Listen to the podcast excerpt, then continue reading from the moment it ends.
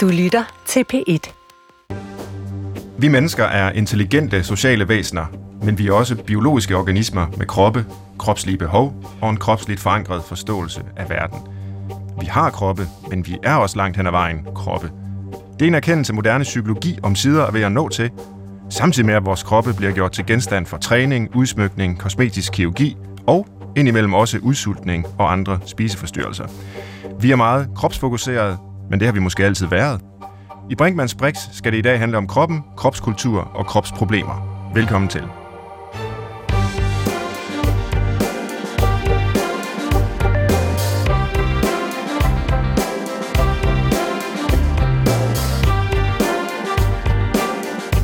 Som professor i psykologi undersøger Svend Brinkmann, hvorfor vi mennesker handler, som vi gør.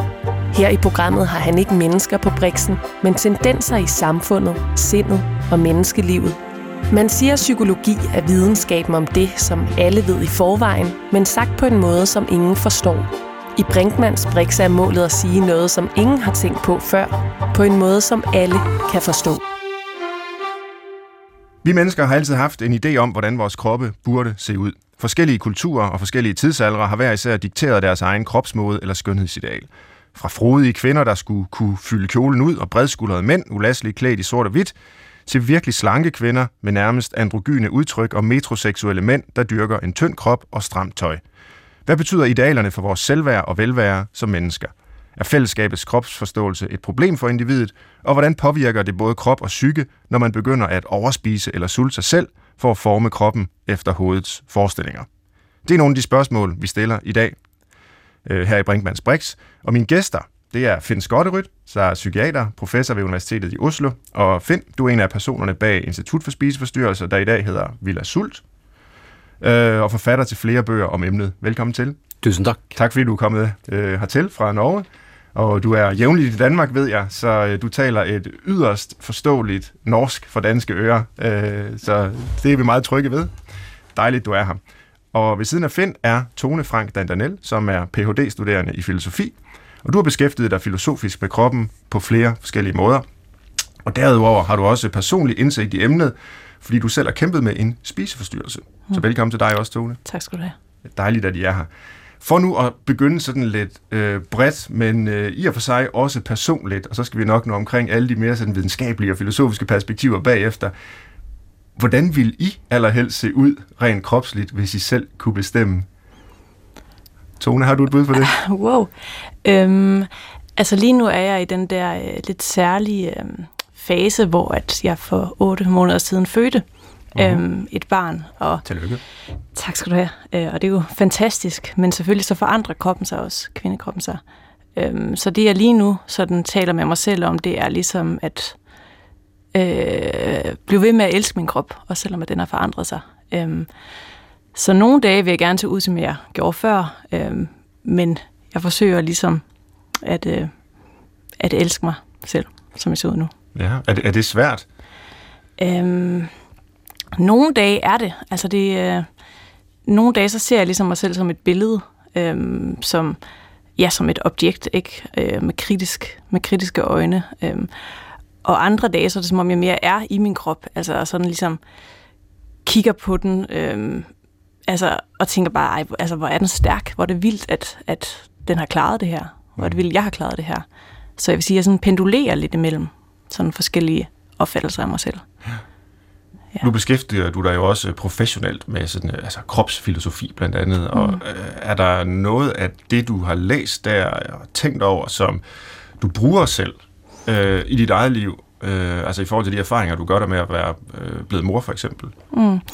Ja, altså jeg, altså, jeg beskæftiger mig egentlig især med Søren Kierkegaard, og ja. måske vi kan komme tilbage til ham senere, for jeg tror faktisk også, at han har noget interessant at sige indirekte til det her emne.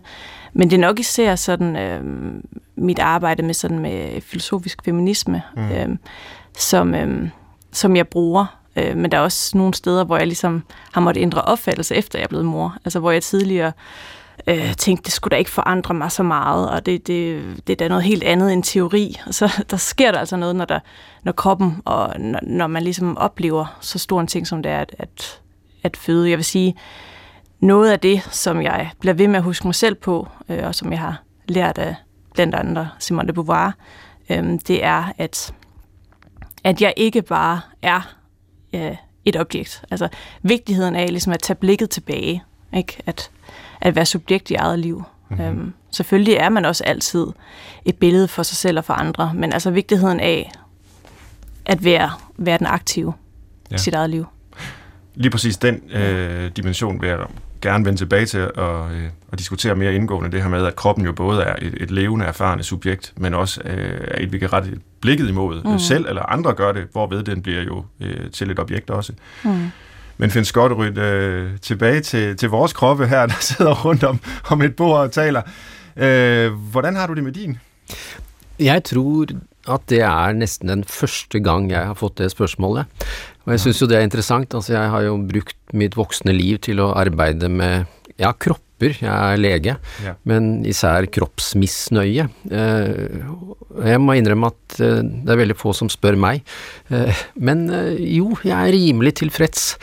Jeg vil se omtrent ut sånn som jeg ser. Samtidig så kjenner jeg jo titt på dette temaet med at jeg begynner å bli en eldre mann. Hvor gammel er det du er? Jeg er 62 år, 32 år. Mm -hmm. Og det nødvendigvis fører jo med seg endringer som man på en dårlig dag vil si er et forfall. Eh, på en ja, god dag så er det jeg, alderens endringer. Mm -hmm. Og det tenker jeg, det må jeg bare tåle og like. Og så lever jeg et rimelig sunt liv. Jeg har nemlig kjøpt en hund som gjør at eh, den må luftes, så jeg vil ikke forandre så mye, og tenker også det er viktig å være en form for rollemodell på at det er andre ting i livet som er viktigere. Mm -hmm. Kan du genkende eh, det her dobbeltblikk på kroppen, både som et subjekt og et objekt fra dit eget liv? Eh, ser du selv på din krop? Altså nu taler du om at bli eldre, og ja, negativt udlagt i en form for forfald, det er jo vel egentlig allerede at gøre kroppen til et objekt. Øh, ja, og sådan, til de grader. Øh, og det er på et vis uundgåelig. Altså, øh, for å foregripe oppsi, noen filosofiske aspekter. En viktig kroppsfilosof er Merleau-Ponty, fransk filosof, som uh, sier jo noe om at jeg med min høyre hånd tar på min venstre arm Altså dermed så er jeg både et subjekt og et objekt. Altså jeg blir tatt på, og jeg tar. Og den derre dobbeltheten, den er jo helt uunngåelig i mm. våre liv. Så det handler jo litt om hvordan vi kan leve med denne dobbeltheten. At vi både ser oss selv utenifra, som vi kan gjøre et speil, og samtidig at vi kan kjenne at vi sanser og tar verden inn. Så det er jo en, mildt sagt, en spændende utfordring at være subjekt og objekt uh, samtidig. Her i dagens program, der ser vi på kroppen øh, med kan man sige, spiseforstyrrelsen som øh, et anlæggende, et kropsanlæggende. Øh, jeg tror, det er en god øh, anledning til at reflektere over kroppen. Øhm, og, og det gør vi ved at bevæge os gennem tre rum. Øh, og først så skal vi i fitnesscenteret, sådan i overført forstand i hvert fald, vi bliver jo siddende her, men skal forsøge at, at undersøge kroppens øh, i, i form af de kropspraksiser og kropstræning, som er ganske øh, udbredte i det moderne liv. Så skal vi til terapilokalet, øh, hvor blandt andet jo du, Finn, har erfaring med at, at behandle mennesker med spiseforstyrrelse og tone. Jeg ved ikke, om du har været i sådan terapilokale, men øh, det, det kan vi vende tilbage til. Og endelig så skal vi på hospitalet, eller måske ved operationsbordet, hvor kroppen jo øh, på sin vis skifter meget hurtigt fra at være subjekt til at være et stykke objekt, et stykke mekanik, som øh, kirurgen skærer i, og det tror jeg måske, der er en... Øh, Øh, det, det er der noget at lære af øh, om kroppen ved at se den der. Men før vi bevæger os gennem rummene, så tror jeg lige, vi også kort skal have introduceret fænomenet spiseforstyrrelser, fordi det skal være det prisme, øh, vi, vi, vi ser på kroppen igennem. Øh, det kan være, Finn, du kort kan øh, skitsere for os, hvad det egentlig er for en række af fænomener, vi, vi kalder spiseforstyrrelser.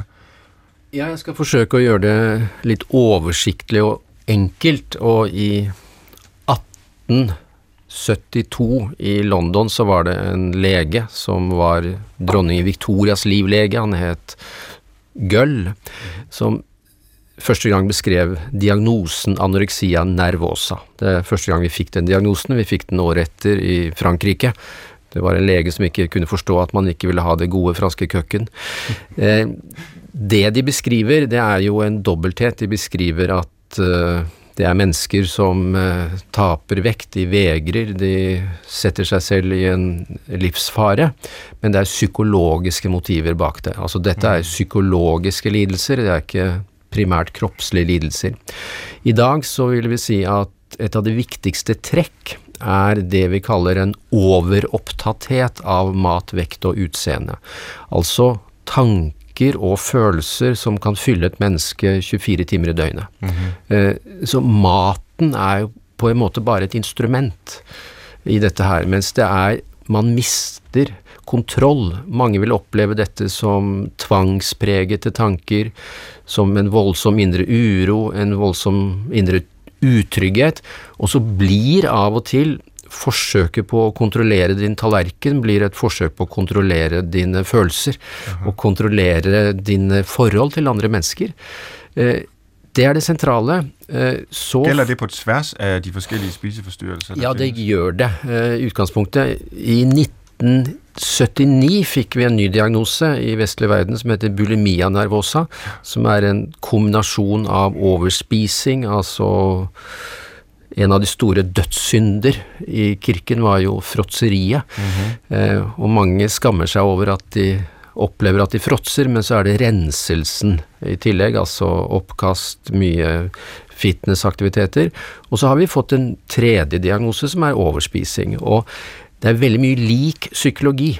Mm. Og den samme person kan jo være 15 år gammel og ha én diagnose, være 20 år og ha en annen, og bli 25 og ha en tredje.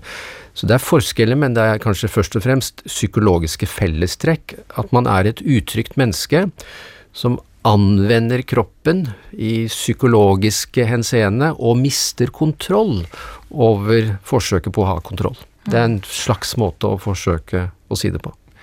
Tone, du er her jo i dag øh, selvfølgelig som filosof, altså repræsentant for den filosofiske refleksion, men øh, du har også din egen historie med øh, spiseforstyrrelser. Det kan mm. være, at du kan prøve at beskrive den for os.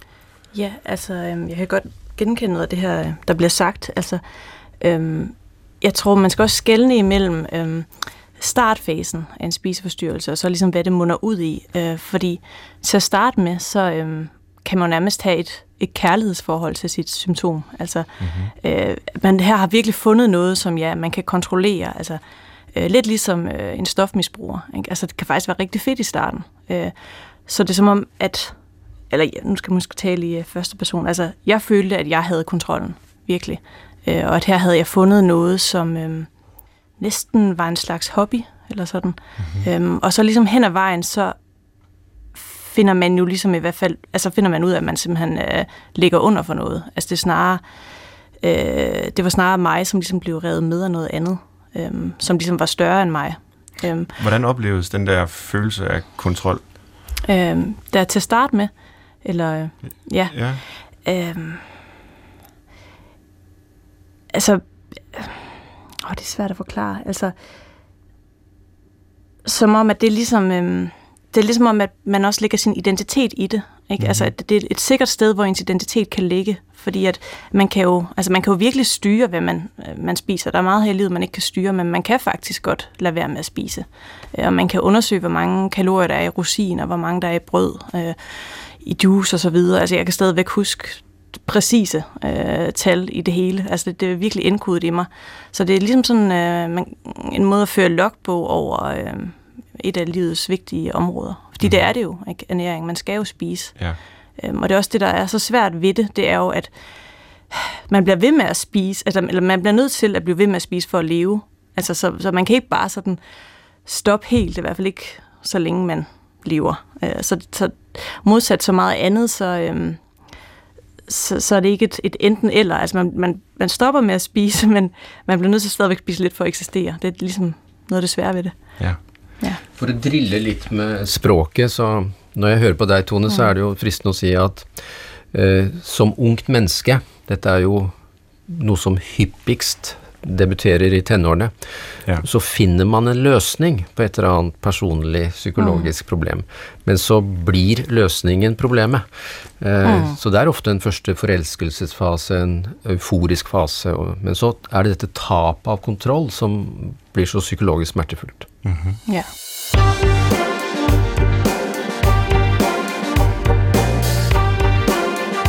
Her i Brinkmanns Brix i dag, der undersøger vi kroppen, og det gør vi gennem Øh, spiseforstyrrelserne som prisme, kan man sige. Og først så skal vi øh, besøge fitnesscenteret, fordi antallet af fitnesscentre er jo steget markant i Danmark. Det er vist nok den største øh, sport herhjemme overhovedet. Og de her store lokaler med styrkebænke som møbler og spejle som vægge danner i dag ramme om mange danskers dyrkelse af kroppen. Men hvor kommer den her kropsdyrkelse egentlig fra? Og hvad er det for et ideal, vi arbejder hen imod? Hen imod? Øh, mine gæster i dag er Finn Skotterud, der er psykiater, og Tone Frank Dandanel, der er filosof. Og Tone, du var før inde på din egen historie, og det er ikke fordi, vi skal nødvendigvis øh, vade rundt i den hele tiden, men bare lige for måske at gøre den færdig. Var mm. der et bestemt øh, kropsideal, der fyldte for dig, da du fik det skidt? Mm.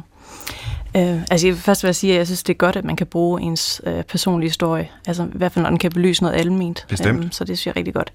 Øh, altså jeg var selv meget troende, samtidig med, at jeg havde en spiseforstyrrelse. Så jeg tror for mig handlede det meget om øhm, også sådan nogle forestillinger om, om renhed egentlig. Altså øhm, noget med ligesom at kunne lade være med at spise. Det blev ligesom set som sådan et lidt parallelt til at lade være med at synde.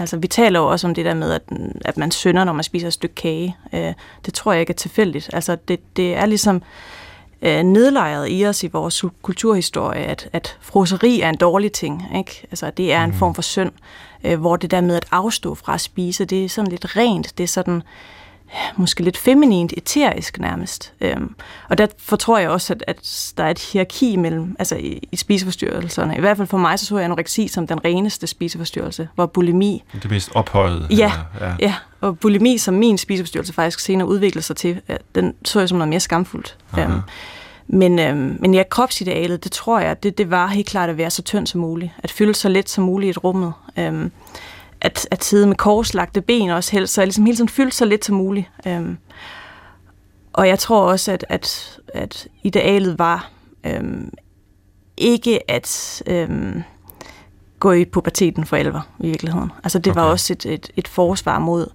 sådan en kvindelighed, der ligesom var for voldsom. Så det var de år, øh, altså hvor du gik i pubertet, eller var ja. ja, skulle i gang med det? Det var en det... måde simpelthen, øh, jeg tror jeg havde ikke menstruation i 4-5 år eller sådan noget. Altså det er jo også en måde ligesom at, øh, at stoppe sin udvikling på. Mm-hmm. Jeg kan huske, øh, at vi første gang, øh, tror jeg, kommunikerede på ja. Facebook, og øh, altså, jeg vidste godt, hvem du var, øh, havde set dig på tv og læst, hvad du havde skrevet, øh, eller sådan noget af det. Øh, og så havde jeg skrevet en eller anden øh, klumme i en avis om, at øh, jeg synes, det var noget værre noget, at vi hele tiden gik i fitnesscenteret og, og dyrkede vores krop øh, sådan en øh, sådan en klassisk, øh, hvad hedder sådan noget, kvababelse over mm. øh, det fjolleri at bruge så lang tid på, på sig selv og det narcissistiske projekt, der ligger i det. Ja. Og så korrigerede du mig, øh, og det synes jeg egentlig var meget inspirerende. Øh, fordi du, du skrev, ja det kan være, du selv skal forklare, hvad problemet er med mit argument der. Øh, nå, ja, jeg tror, jeg kom til at skrive noget med, at det var, det var ikke, ikke det bedste, jeg havde læst den dag. Nej, men det var Måske. det nok heller ikke. Jamen, altså, det. du sidder og laver PhD om Søren Kierkegaard, og så kan du heller ikke regne Nå, med, at jeg... nej, jeg, jeg tror, det er... Jeg synes, at, at, at der lidt var en tendens til den artikel, bare måske sådan lidt moraliserende også over for... Altså, jeg, jeg synes bare nogle gange, det kan være meget let at, at, at sige, åh, de er så selvoptagende, dem der står og kigger sig selv i spejlet. Åh, ja. det er så narcissistisk. Altså, jeg tror, du skriver noget med, at man skal ud og lege med sine børn. Altså, bruge tiden mere på hinanden og sådan noget. kroppen til glæde, ja, tror jeg var argumentet, ja, lige præcis. frem for at gøre den til et objekt, der skal optimeres. Ja. Jeg tror først og fremmest, så savnede jeg sådan et argument for, hvorfor må man egentlig ikke det? Mm-hmm. Altså, hvorfor må man egentlig ikke være selvoptaget? Det kan man egentlig godt spørge. Hvorfor egentlig ikke? Øh, men dernæst, så tror jeg bare, at ja, hvis jeg igen skal tage udgangspunkt i min egen erfaring, så for mig så blev fitnesscenteret også det rum, hvor min krop blev stærkere. Øhm, og den der sådan oplevelse af lige pludselig at kunne holde til mere, at kunne tage ud og shoppe med veninderne uden at få ondt i ryggen, og at bruge for at, hjem, og at man går hjem og ligger sig på sofaen. Altså det var bare så fedt. Altså, øh, så sådan den der sådan filmologiske dimension, eller kropslig dimension, den, øh, jeg tror, det er den, jeg efterspurgte. Ja, og det, det synes jeg var utrolig lærerigt for mig. Øh, altså det her med at sige, øh, og det er jo ikke, jeg har jo sådan set selv øh, været medlem af et fitnesscenter en, en gang, og altså bruger tid på at løbe og cykle osv., så, videre, så jeg er overhovedet ikke fremmed for den der kropskultur. Men så måske var det også en kommentar til mig selv, at jeg skal også huske på, øh, at, at det, det skal være glædesfyldt øh, at bruge sin krop. Det skal ja, ikke være det her sådan, projekt øh, mm. for sin egen skyld, eller hvad, hvad man kan sige. Men hvor du, og så har jeg senere læst andre feminister også, som øh, argumenterer for, at der er et frigørende projekt i simpelthen at styrke sin krop, mm-hmm. måske især som kvinde. Ja. Øh, og det havde jeg jo som mand ikke været opmærksom på. Øh, der er en, en, en, en amerikaner, der hedder Barbara Ehrenreich, som har skrevet en bog om det der, som er en virkelig skarp øh, dame, ikke? og så læste mm. jeg hendes bog, jeg har læst andre af hendes bøger, så viser sig, hun øh, kan tage mere end mig i bænkpres. Sådan en øh, 70-årig øh, amerikansk kvinde der, der var super stærk. Øh, altså det, det er jo ret sejt, ikke? Men, men hvor hun har det samme sådan feministiske blik på det. Mm. Øh, og det udfordrer i hvert fald mig og mine øh, sådan, øh, forbehold over for fitnesskulturen. Hvad siger du til det, Finn? Nu øh, har du jo beskæftiget dig rigtig meget med kropskultur, ikke bare med spiseforstyrrelser, men i det hele taget med, med vores opfattelser af kroppen i det moderne samfund. Nu havde jeg en anekdote med øh, min kommunikation med Tone. Jeg husker faktisk også en gang, hvor jeg mødte dig for første gang. Jeg sad på øh, øh, skolebænken på Psykologisk Institut i Aarhus, hvor du var gæsteforelæser. Og så skulle du fortælle om kropskultur. Og så startede du med at sige noget i retning af, og det er helt tilbage i øh, midten eller slutningen af 90'erne, så det kan godt være, at jeg ikke citerer dig helt korrekt, men at øh, vores kultur er øh, specielt kropsoptaget, men alle kulturer er specielt kropsoptaget. Det er på en eller anden måde, som jeg husker det, en antropologisk konstant, at vi bare er det. Og så kan man være det på forskellige måder, men vi skal ikke tro, at vi er noget særligt i vores tid, i vores del af verden, fordi vi, vi er kropsoptaget og for eksempel går i fitness. Er det, er det en rigtig øh, udlægning ja, af det det er rigtigt. Men altså, enhver kultur har idealer. Ja. Altså om det er om ren og uren mat, om det er store kropper. En gang så var en tykk mann en som gjerne ville ha en tykk kone og tykke dyr, for da var han en rik mann, osv. Eh, men vi kan nok diskutere i dag om det er mer massivt, fordi vi har våre kommunikasjonsmedier, vi har våre visuelle medier, altså vi har en billedlegging av vår hverdag som gjør at vi kommer ikke unna eh, påminnelsen om idealet. Det eh, siste fitnesscenter jeg var medlem av, der var sånn et selfiespeil hvor det stod simpelthen, at det var et selfie-spejl. Ja, ja. Så var det meningen, man skulle stille sig foran det, og så spænde sine muskler, og så tage et billede og dele det på sociale medier. Det er sådan en meget øh, tydelig jeg vil sige, knæfald for den her visuelle præstationskultur. Ja, altså, og jeg synes jo i og for sig, da, nå skal ikke jeg gjøre for meget ut av at jeg mener at jeg begynner å bli en gammel mann, men fitness eksisterte jo ikke da jeg vokste opp. Nei. Eh, det er jo et nytt fenomen, og jeg synes det er interessant å reflektere over hva det fenomenet er. Ja, det er å styrke kropper, men det er også mye skjønnhet, det er mye estetikk, det er mye de klærne du har på deg, de skoene du anvender, det er meget speil, Eh, det er veldig mye penger. Eh, det er også mennesker som på en måte har blitt til en vare. Altså det er en kommunikasjon. Så fitness er jo ikke bare å styrke kroppen, fitness er et veldig komplekst fenomen. Eh, det er å bruke kropp til å definere din sjel på mange måter. Altså kroppen er sjelen på mange måter i et sånt fitnesssenter. Hva betyr fitness? Altså et engelsk ord som heter to fit, betyr å passe inn. På mange måter så er det at du skal passe inn i en norm. Det er ikke bare at du er fit, eh, som en subjektiv erfaring. Jeg syns det er ekstremt interessant å se alle de måter vi kan anvende våre kropper på. Jeg bor i Oslo, i Skoven, eh, så jeg har Oslos største rekreasjonsområde rundt mitt hus. Så hver dag så møter jeg jo 100 måter å anvende kroppen på. Fra de anorektiske piker som kommer løpende fra Oslo vest, til romfolk som sover ute om natten, eh, til innvandrerkulturer som tenner bål i weekenden, eh, til de som eh, skal vinne olympiaden, til bestefedre som går med sine børnebørn. Altså det er en enorm rik kroppslighet, men det er klart at jeg sitter jo som fagperson stort sett med det som ikke virker. Og da ser vi jo mye at fitnesssentre blir denne instrumentelle måten å forholde seg til kropp på. Altså, jeg lager noe med den, kroppen, objektet, for at jeg skal få det bedre. Mm. Eh, emosjonelt og sosialt. Så det er en ekstrem instrumentalisering. Og vi savner kanskje noen uh, industrisamfunnet, men vi har jo fått et nytt industrisamfunn i fitnesssentrene.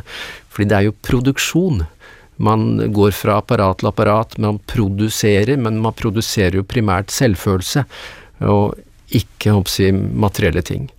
Men det er måske her, hvor, hvor du, Tone, så vil sige, men hvad er der egentlig galt med det? Altså, enhver kultur har haft sine metoder til at producere selvfølelse, som du kalder det, Finn. Øh, og, og hvis det i dag sker i fitnesscenteret, øh, hvorfor så egentlig rynke på næsen af det? Nej, jeg rynker bare på halve næsen, ja. Øh, fordi jeg ser, at det er oppsi, interessante fænomener med det. Men jeg er jo øh, rynkende på den delen av nesen som handler om at 15 år gamle piker og drenger ønsker seg personlig trener i julegave, og får det. Eh, jeg er først og fremst opptatt av kvantifiseringen. Eh, du teller situps, pushups, kilometer på tredemøllen. Eh, det blir veldig meget tall. Det blir på en måte lite sjel, eller sjelen, som jeg sier, blir kroppen. Eh, på mange måter er det også et kroppsfiendtlig prosjekt, fordi at det fremmer ikke nødvendigvis sansningen av hvordan du tar inn verden. Det handler ofte om at jeg har produsert så og så mye kropp i dag, fordi at mm. den er sosial kapital i et ja. moderne miljø. Ja. ja, altså det er jeg helt enig i. Um, altså jeg tror så bliver man nødt til at se fitnessrummet i uh, relation til det rum, som er de sociale medier. Ikke? Fordi det er rigtigt, altså især ungdomskulturen i dag er jo utrolig sådan fokuseret på øh, altså, ja, overflade, eller altså billedet. Ikke? Altså hvis vi ser Instagram, så øh, er der jo sådan en helt øh, community for øh, os, især unge piger, som ligesom har overlevet en spiseforstyrrelse, men nu træner utrolig meget. Mm. Øh, hvor det ligesom på en eller anden måde bliver en form for løsning. Øh, at ligesom at vise, hvor mange push-ups, man nu kan tage i forhold til dengang, man var syg. Og man kan helt klart godt spørge, om det nødvendigvis er bedre. Altså fordi det handler utrolig meget om, øh, altså stadigvæk om, altså udseendet, og det handler utrolig meget om at få likes øh, på det udseende også. Så det er ligesom noget, det man laver i motionscentret handler jo langt hen ad vejen om at få det gode billede til de sociale medier. Altså der, hvor jeg synes, der kan være en kvalitet i fitnesscenteret, er egentlig bare, øh, at det kan hjælpe en til simpelthen at være stærkere øh, i hverdagen, og kunne klare hverdagen bedre. Altså sådan helt banalt. Altså at, at have flere kræfter. Øh, og især mange kvinder, tror jeg, øh, mangler kræfter. Altså Øhm, nok især gjorde det, da jeg var yngre, hvor idealet mere var den helt tynde krop, hvor det er der, i dag er mere den sunde krop. Ikke? Ja. Øh, men den der helt tynde krop, den kan bare ikke holde sig særlig meget, og det kræver bare kræfter, altså at gå op imod patriarkatet. Ja. Øhm, simpelthen. ja. Du lytter til Brinkmanns Brix på P1. Nu bevæger vi os fra vores jagt på at forme det ydre til den kamp, øh, det kan føre til i det indre. Vi skal tale om den problematiske krop, og det har vi jo sådan set allerede gjort øh, men nu helt øh, direkte det problematiske kropsforhold. Vi skal ind i terapilokalet, og mine gæster, øh, som jeg altså med dig ind, eller inviterer dig ind, det er Finn Skotteryt, psykiater, og Tone Frank Dandanel, filosof. Og øh, vi har jo allerede talt en del om de her spiseforstyrrelser, øh, og det med at træne den stærke krop i fitnesscentret osv. Øh, men sådan helt konkret, hvordan manifesterer de her spiseforstyrrelser sig egentlig, når du møder dine patienter Finn, hvad er den typiske historie, hvis der overhovedet er en typisk historie? Det er mange typiske historier, og det er fristende å si med en slags melankoli at jo lengre man har vært spiseforstyrret, jo mer typisk er historien. Altså man begynner å ligne på en beskrivelse i en lærebok. Eh, men den veldig typiske historien, hvis jeg møter en 14 år gammel pike eller dreng, er at det er vanskelig å møte dem, for de har ingen interesse av å møte meg. Mm. Jeg møter fortrinnsvis deres foreldre som er veldig bekymret over sitt barn, som gjerne har sluttet å spise. Fordi, som Tone i og for seg har vært litt inne på, er du 14 år og har funnet sultekuren, så er det kanskje noe du er meget lykkelig for å ha funnet. Mm. Jeg spurte en pasient her en dagen, har du et problem, sa jeg til en liten pike. Ja, jeg har et stort problem, og det er deg, sa hun. Mm. Eh, altså, det sier noe om at det typiske møtet hos den debuterende er at de ikke i særlig grad erkjenner at de har et problem. Mm. Eh, så det er de rundt som lider problemet. Jeg så på et tidspunkt sådan nogle uh, websites, ja. uh, pro-ana og pro-mia, ja. altså pro-anorexia og pro-bulimia, ja. som for en, der ikke har en spiseforstyrrelse, er ganske uhyggeligt at, at se på, hvor de deler øh, billeder af hinanden og rådgiver hinanden om, hvor lidt de kan spise øh, og stadigvæk, så at sige, øh, overleve simpelthen. Altså, øh, men, men hvor de helt klart ser det som en æstetik, som en æstetisk kropspraksis og modsætter sig øh, dit psykiatriske ja, blikfind, når du absolut. fortæller dem, at de er syge. Ja, altså jeg er ikke så optaget av å nei, si at jeg er syk. Jeg er optaget av å oppføre meg sånn at jeg har lyst til å komme tilbake til meg. Ja, ja. Eh, men uh, for kampen om diagnosen er ikke så veldig nyttig, tenker jeg. Men liksom det å prøve å lage en interesse for at kanskje er det noe de kan si, gjøre noe med. Og så ser vi det at går årene, og da kommer smerten. Eh, da innser de at de har problemer. Og smerten er jo størst hos mange av de som har en opplevelse av mistet kontroll, altså bulimi, overspising. fordi at en person med anoreksi vil ofte føle at det er en viss suksess i dette. Eh, så noe av det typiske ved å arbeide klinisk med spiseforstyrrelser, er at du alltid må tenke at du møter personer som er ambivalente til å bli raske. Mm. Som er usikre på om de egentlig ønsker endring, om de våger endring, og er dette idealet om å være rask, er det et godt ideal, egentlig? Og det er det mange behandlere som ikke liker. Eh, fordi man må tåle å bli avvist. Ja, eh, som behandler. Ja, du, må, du kommer med de beste intensjoner, og dine pasienter vil ikke ha det. Så det er en ganske viktig profesjonell ting, er at du må vite at eh, du møter ikke de motiverte personer alltid. Hvordan var ditt forløp, Tone? hvordan kom du der? Um, jeg ved det faktisk ikke helt, altså, øhm, hvis jeg skal være helt ærlig. Øh, jeg, jeg prøvede også at tale med nogle behandlere, men, men følte ikke, der var så meget succes i det. Øhm, øh, jeg tror virkelig, det er vigtigt, at man finder den rette behandler. Øhm, helt sikkert. Øhm, s- ja, jeg håber, jeg, jeg, jeg vil sige, at jeg er kommet mig, fordi at, øh, at jeg har ikke en spiseforstyrrelse nu, men jeg tror måske, hvis man har haft det, at det er lidt ligesom at være ædru alkoholiker. Altså det er lidt ligesom øh, et spøgelse, der går ved siden af en hele tiden. Ikke? Altså det er derovre. Altså jeg skal bare ligesom lade være med at gå over til det. Øh, sådan jeg vil jeg sige fra det. psykologiundervisningen, nu må I korrigere mig, men øh, jeg husker svagt sådan nogle prognoser, der handlede om, at cirka 20% kommer sig øh, fuldstændig. Øh, cirka 20% lever med deres spiseforstyrrelse øh, resten af deres liv. Øh, og så er der de resterende 60% må det så være, sådan en mellemgruppe, hvor det er sådan lidt det ene og det andet, en gråzone. Mm. De har måske en snært af det, og nogle gange er de ud af det, og så er de inde i det igen. Ja. Så det er ikke nødvendigvis sådan en kæmpestor succeshistorie, vi har med at hjælpe mennesker med de her problemer. Ja. Øhm, hvis jeg, lige, øhm, jeg tænker også, at Altså noget af det, der, der hjalp mig, var faktisk at begynde at læse filosofi. Altså især ja. faktisk, altså feministisk filosofi. At begynde at, at opdage øhm, øhm, også, hvordan jeg ligesom havde lagt under for nogle særlige billeder af, hvordan en, en kvinde skal se ud. Altså, så det var også en vrede, der ligesom op, der jeg fik, som, som hjalp mig til at, at, at kaste væk. Øh, jeg tror, det er svært at, at sådan helt øh, at bruge sit, øh, sin fornuft til at komme ud af det, fordi at spiseforstyrrelser er ikke fornuftige. Altså, de er jo irrationelle, altså også bare sådan helt øh, biokemisk. Altså ens hjerne bliver jo også syg af ikke at få næring. Altså det skal man måske også huske. Altså, mm. øh, at senere hen, at, at, at, at hun er ikke nødvendigvis rationel overhovedet, hende der løber rundt og kigger på uret. Altså, øh, øh, men jeg tror faktisk, at, at det var øh, det var simpelthen også altså, øh, at opdage, hvordan det her også er utroligt kønnet. Altså især anoreksi. Altså det er jo langt, langt størstedelen af anoreksi er jo øh, unge piger. Øh, så, så det må også have noget at gøre med øh, vores opfattelse af, hvad en rigtig pige skal, hvordan hun skal være, mm-hmm. tænker jeg.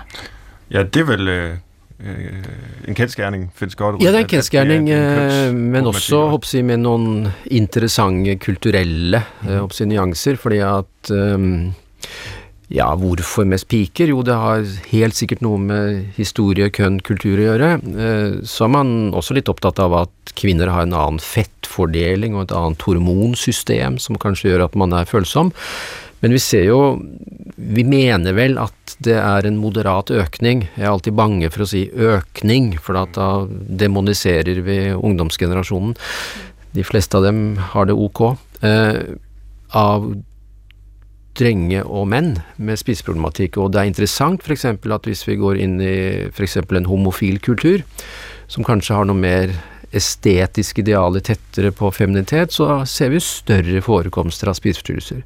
Så det er sikkert kønn som biologisk fenomen, men det er også absolutt kønn som kulturelt fenomen. Mm.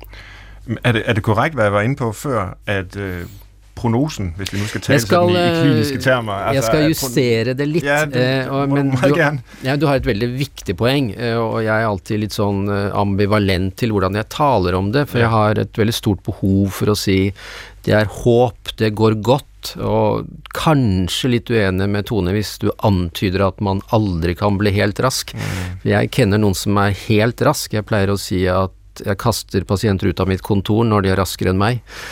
Eh, men andre vil kanskje alltid ha med seg en bevissthet om at de har litt for mye fokus på dette. Men altså, noen legger det helt bak seg. Andre sleper det med seg. Vi kaller det forløpsstudier, altså hvordan går det med mennesker? Og da må vi jo se mange år eh, fremover. Eh, og noen klassiske tall sier at omtrent 50% av de med spiseforstyrrelser blir raske. Okay. 50 eh, er ikke så bra tall, eh, fordi at da er det 50% som ikke er det. Mm. Og da er det kanskje 20% som har en form for eh, langvarig kronisk, sier vi jo da, spiseforstyrrelse. Og så de øvrige, det er annen psykiatri, altså angst, depresjon osv. Personlighetsproblematikk. Så det er ikke et godt tall. Så vi behandlere kan aldri si at vi gjør en god nok jobb. Vi må hele tiden tenke at vi burde få det bedre. Det det sier, er jo at spiseforstyrrelser ligner jo ikke på influensa. Eh, det er mye mer knyttet til personlighet, til selvet vårt, for å kalle det det, som betyr at dette er ofte noe som varer i mange år. Altså, vi må tåle å si at ja, for noen tar det fem år, for noen tar det åtte år, for noen tar det 15 år. Altså, det er en bitter eh, kunnskap fra å jobbe med alvorlige spiseforstyrrelser. Hva er kriteriene for å være eh, rask? Det er forskjellige vitenskapelige kriterier, og noen av de er ganske rigide og strenge. Okay. Jeg opererer ikke med disse, men altså det er regelmessig menstruasjon, normalvekt, ikke at du har for mange bekymrede tanker om kropp og mat. Så det fins forskjellige vitenskapelige systemer å måle det på. Mm. Okay. Det er jo et meget relevant spørsmål, det her med, øh, med hvornår man egentlig rask. Altså, fordi mange mennesker i det moderne samfund, som jo ikke har en spiseforstyrrelse i klinisk forstand, går jo rundt med en ekstremt stor kropsbevidsthed. Ja. Og det fylder øh, utrolig meget i vores kultur mad, meget. ikke? Altså, ja. Der var en, der på et tidspunkt skrev, at Noma var ligesom vores dages fascisme eller sådan noget. Altså, øh, sat på spids, men, men vi fokuserer utrolig meget på, på mad, og der er så mange madprogrammer. Altså, jeg tænker bare på, kan man overhovedet have et ukompliceret forhold til mad nogle dage? Ja, halvdelen af programmerne, det er sådan nogle øh, lækre madprogrammer, eller ja, halvdelen af tv-programmerne, vil jeg sige, mm. er, er lækre programmer om at lave øh, fantastisk god mad, ikke? og den anden halvdel, det er så om, hvordan man taber sig. Mm. Øh, så der, der er en eller anden mærkelig modsætning der. Ja, eller to sider af samme sak. Ja, altså, ja. at dette hænger sammen, altså en voldsom konkrethet. Vi snakker jo av og til om konkretismen i spiseforstyrrelser, altså at det blir konkrete ting som blir din måte oppsi, å være psykologisk individ på. Altså, jeg har spist så meget, jeg har hatt så meget glede av det, jeg har løpt så langt. Jeg, altså, det er igjen at det blir veldig konkret. Altså, satt i det ekstreme, da. Jeg kan spørre en person hvordan har du det i dag? Og så sier den personen nei, det vet jeg ikke ennå, jeg har ikke veid meg i dag. Ja. Eh, det er på en måte patologien ja. i spiseforstyrrelsen satt på spissen. Ja. Eh, og den fins jo i mange varianter. Den vil jo både en dansk og norsk helseminister at vi skal ha. Altså vi skal ha sunnhetsbevissthet, vi skal være opptatt av å øh, løpe nok, bevege oss nok. Så det er jo veldig flytende når dette blir hoppsi, sykdom. Mm. Jeg er ikke av de som liker å lage diagnoser for hurtig. Hvis vi laget en diagnose som het alvorlig kroppsmisnøye, så tror jeg liksom da røk 50% av danske gymnasieelever. Har lagt dig på Brinkmanns Brix her på B1. Det tredje rum, vi skal ind i her i dagens udsendelse i Brinkmanns Brix, der jo handler om kroppen og spiseforstyrrelser, det kan vi kalde hospitalet, eller måske endda operationsbordet. En spiseforstyrrelse er jo defineret som en psykisk lidelse, men den bliver i høj grad kropslig. Den får en, et kropsligt udtryk, både i form af symptomerne og komplikationerne, men også fordi kroppen kan være udløseren i første omgang. Kan vi lære noget alment om kroppen ved at se på den syge krop, det syge menneske, der er ramt af en spiseforstyrrelse. Øh, man taler samtidig om, øh, at personer, der har en spiseforstyrrelse, føler sig ja, frakoblet, eller sådan disconnected på engelsk, fra øh, sin krop. Øh, og du var lidt inde på det tidligere, Tone. Hvad er egentlig, sådan, med et fint ord, fænomenologien i det? Kan du beskrive det fra et første persons perspektiv, hvordan det opleves at have den her øh, frakoblede fornemmelse af sin egen krop? Ja, altså jeg tror, øh, ofte, når man har en spiseforstyrrelse, så abonnerer man gerne på sådan en meget dualistisk forestilling øh, om sig selv. At man har en krop, og så har man en ånd, eller sådan, eller en fornuft. Altså, men at de to ligesom er helt adskilte, ikke? Øhm, og, og det kan spiseforstyrrelsen godt hjælpe en lidt i den tro. Altså, fordi jeg med, med, med min vilje og med min øh, tænkning kan ligesom øh, øh, styre og administrere og øh, kontrollere den her krop. Øh, så, så det er ligesom sådan en, en, en måde ligesom at tage et skridt tilbage, eller læne sig tilbage, og så øh, har man ligesom en afstand til kroppen. Altså, så, så det føles lidt ligesom at være altså, altså passager eller sådan noget. Det er jo det, som øh, Descartes øh, ja. beskriver menneskets øh, krop, øh, altså som noget helt andet, som en maskine, øh, som en del af den materielle verden, simpelthen ligesom alt muligt andet, men så øh, har kroppen bare en sjæl, en mm. tænkende ting ind i sig, som på en eller anden måde sætter bevægelser Måske i gang i den her krop. Ja. Men det er jo to principielt adskilte domæner af virkeligheden, mm. øh, kroppen og sjælen. Og det er i virkeligheden sådan, det føles altså, øh, det, det, at have en spiseforstyrrelse. Øh, altså man kan i hvert fald... Øh, man kan i hvert fald få fantasien eller forestillingen om, at det er sådan til at, øh, at blive lidt stærkere. Altså fordi at kroppen er jo det, jeg kan kontrollere, ikke med min vilje. Så viljen er det aktive, og så kroppen er det her passive materie, som jeg så kan forme. Øh, men der er jo bare det, det ved det hele, at, at det jo, altså min krop er jo ligesom mit udgangspunkt i verden. Det er udgangspunktet for, at jeg overhovedet kan være her. Så jeg kan ikke, jeg kan ikke slippe af med den, og jeg kan ikke reducere den til noget andet end mig selv. At det er ligesom, man kan simpelthen ikke man, kan, ja, man kan ikke komme af med den. Altså det der, jeg tror, vi måske godt kan bruge øh, Søren Kierkegaard alligevel. Øh, ja. Kierkegaard, han taler om det her med, øh, at der er forskellige former for fortvivlelse. Øh, at mennesker kan være fortvivlet på mange forskellige måder.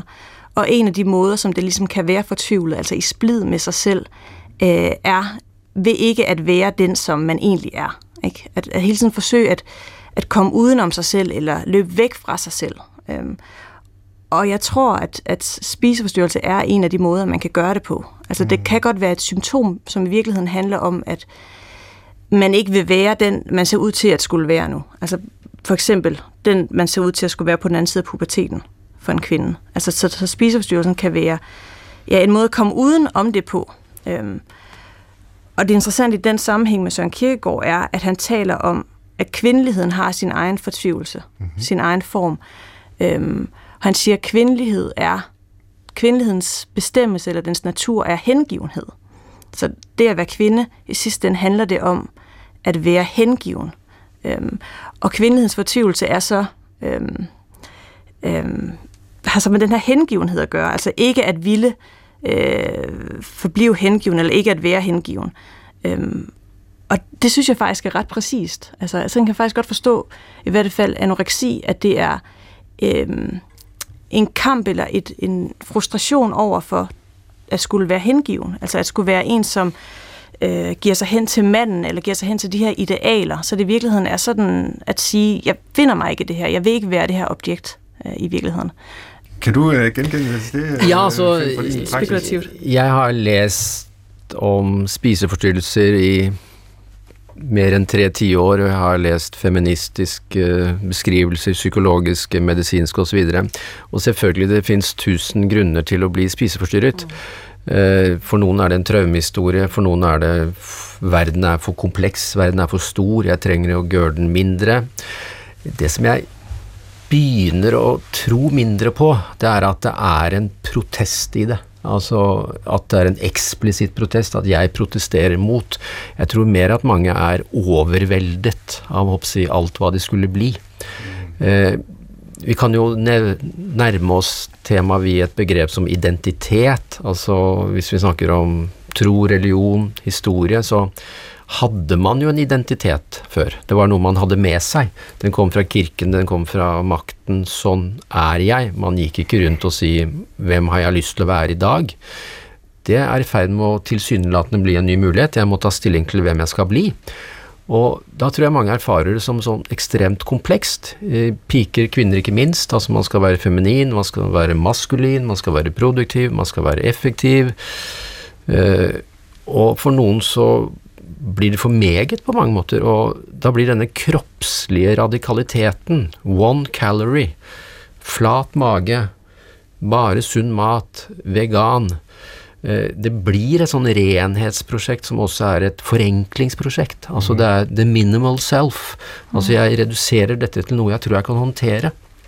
Jeg tror at det er protest i det, men det er ikke en eksplisitt protest på mange måter. Mm -hmm. Vi skylder måske lytterne at fortælle, at jamen, det er jo 400 år gammel filosofi, hvor Descartes han ligesom indleder hele den moderne tænkning om mennesket ved at sige, at verden består af to slags substanser, som det hedder med den slags terminologi. Ikke? Der er de tænkende ting, øh, det er vores øh, sjæle, sådan set, og så er der de udstrakte ting, det er alt øh, lægemligt, herunder vores krop. Så det bliver bare en maskine, ligesom alt, alt muligt andet.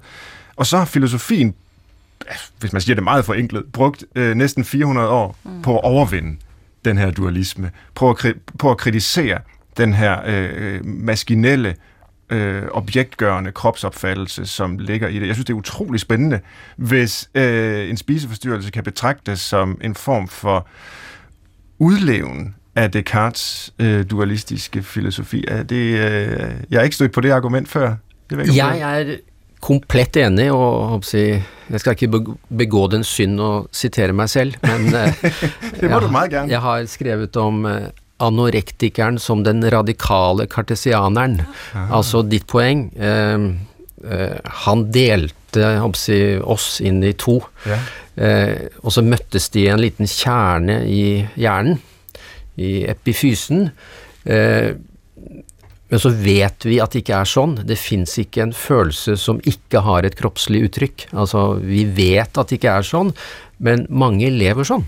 Eh, og si, den radikale spiseforstyrrete er jo virkelig kartesianeren. Altså, jeg gjør dette med kroppen min for at jeg skal bli mer tilfreds mm. med meg. Det er en ekstrem kartesianisme, og derfor er det så farlig. Fordi det, det går til syvende og sist ikke opp hvis det er sult som er metoden. Det er andre ting som går opp. Altså hvis du tar med mye av den der askesen, strengheten, rigiditeten, istedenfor å begynne å sulte, hvis du istedenfor begynner å produsere vitenskapelige artikler. Da blir du professor. Hvis du tar med noe av det samme Noe av det samme i sjelelivet og tar det på andre arenaer, ja, så blir du direktør, eller du får gullmedalje i maraton. Vi skal også vite at disse trekk trekkene er jo også trekk som kulturen liker å dyrke frem. Mm. Altså produktiviteten, effektiviteten, askesen, renheten, strengheten. Men det er kartesianeren. Vi får også flere og flere gadgets hele tiden, ikke? Altså tale ja, ja. med at tælle og måle. Altså ja. det er jo ikke kun den spiseforstyrrede, der går op i det. Man kan få en app til alting.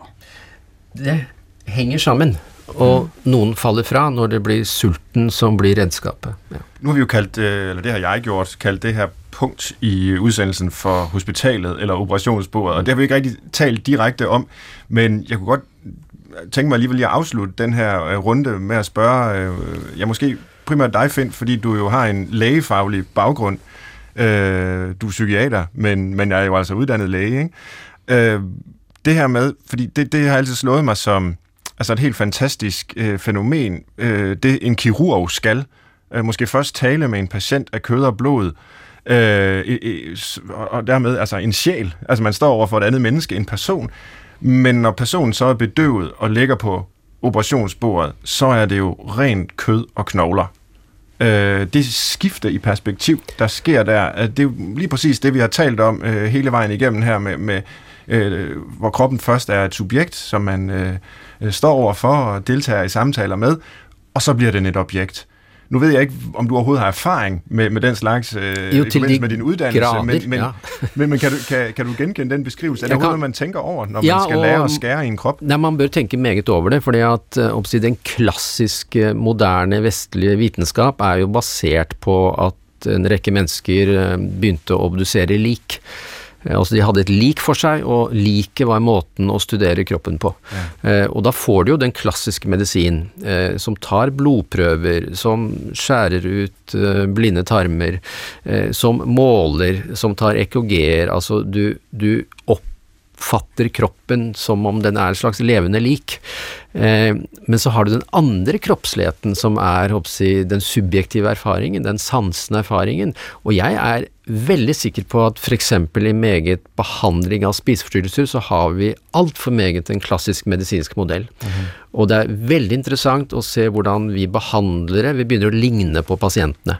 I betydning Oi, hun har tapt to hekto siste uke eller den blodverdien er litt lav. Altså vi blir smittet av hele den medisinske konkretheten, og så er vi bange for at personen kanskje dør, og så glemmer vi å spørre til hvordan hun eller han har det. Mm. Eh, så dette leves jo si, dramatisk ut hver eneste dag i behandling av spiseforstyrrelser og andre lidelser, men kanskje især spiseforstyrrelser, fordi det blir så kroppslig konkret at vi blir også en del av problemet, i verste fall.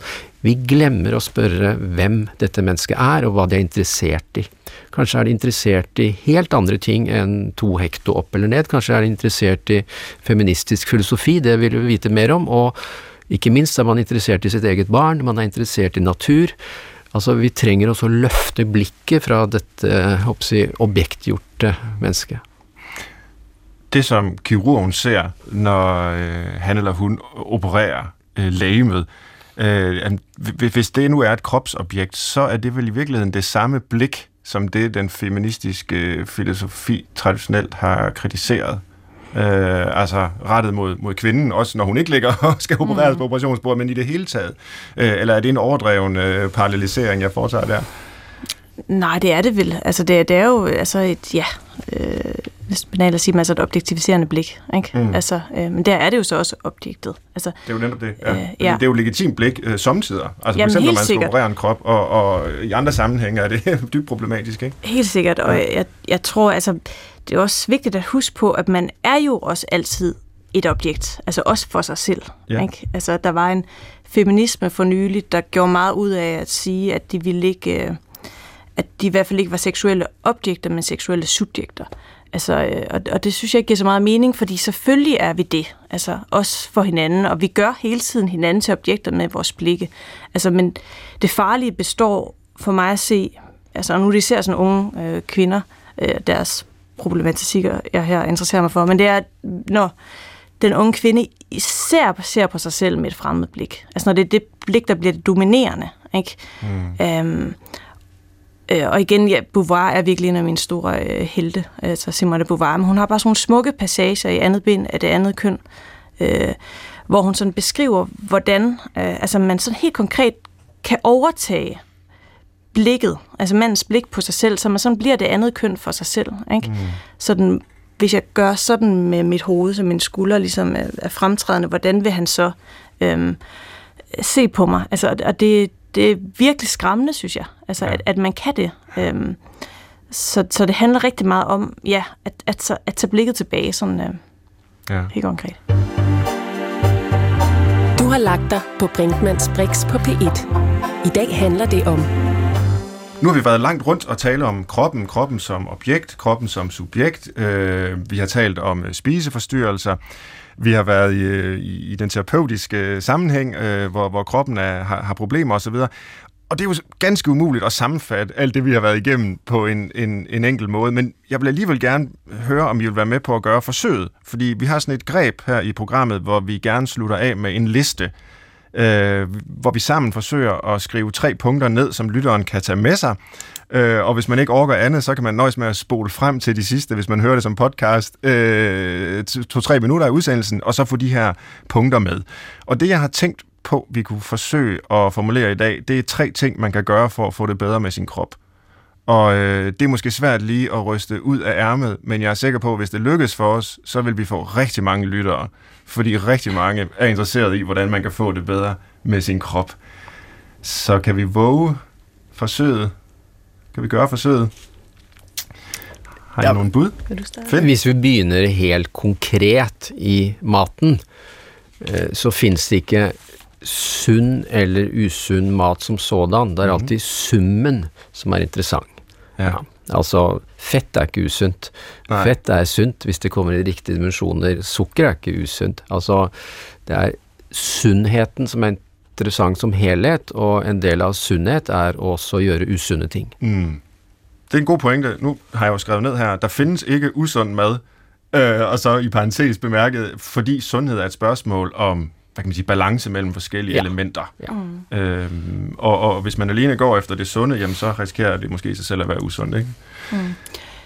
Altså jeg tror, man kan få det bedre af at rette sig mod altså fællesskabet. Altså, ja. øh, måske endda melde sig ind i et politisk parti, hvad ved jeg. Altså nogle gange netop det der med, at at blive mindet om, at man ikke har sat sig selv, altså at, at få blikket lidt væk fra, øh, fra sig selv og sin egen dødelighed og endelighed, som vi også fokuserer så meget på, og altså mere på øh, vores forbundethed med hinanden. Mm. Øh, ikke fordi, at, at vi skal lade være med at være selvoptagende nødvendigvis. Den er ikke slem i sig selv. Øh, men hvis den gør dig syg, så, øh, så vend dig mod de andre. Øh, ja. ja. Ret dig mod fællesskabet, øh, den forstand ligesom forstår du en del af, af noget større. Mm. Det tror jeg er en rigtig god ting også at have med. Hvis jeg må komme med et bud, som alligevel så måske er lidt i retning af, at vi også skal huske på kroppen og tage os af kroppen, så vil jeg sige, øh, og det er lige så meget til mig selv, øh, jeg glæder mig til at få mere tid til det, øh, dyrk noget holdsport.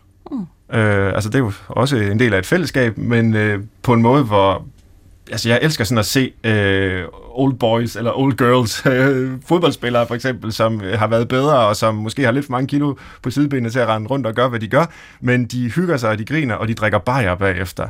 Mm. Øh, det tror jeg virkelig, der er noget øh, terapeutisk ved. Øh, Udover det jo også er sundt og glædeligt, og man kan måske i lykkelige øjeblikke glemme sig selv lidt på den der fodboldbane og sin egen krop. Det var vi nået her i Brinkmanns Brix i dag. Øh, tusind tak til mine gæster, Tone Frank Dandanel og Finn Skorterødt, der kom helt fra øh, Norge i Finns tilfælde her. Dan Grønbæk Jensen producerede programmet. Du kan skrive til os på brinkmannsbrix.dr.dk, og så kan alle vores udsendelser i øvrigt hentes og høres som podcast, når man vil. Jeg håber, vi lyttes ved i næste uge, samme tid, samme kanal. Tak for nu.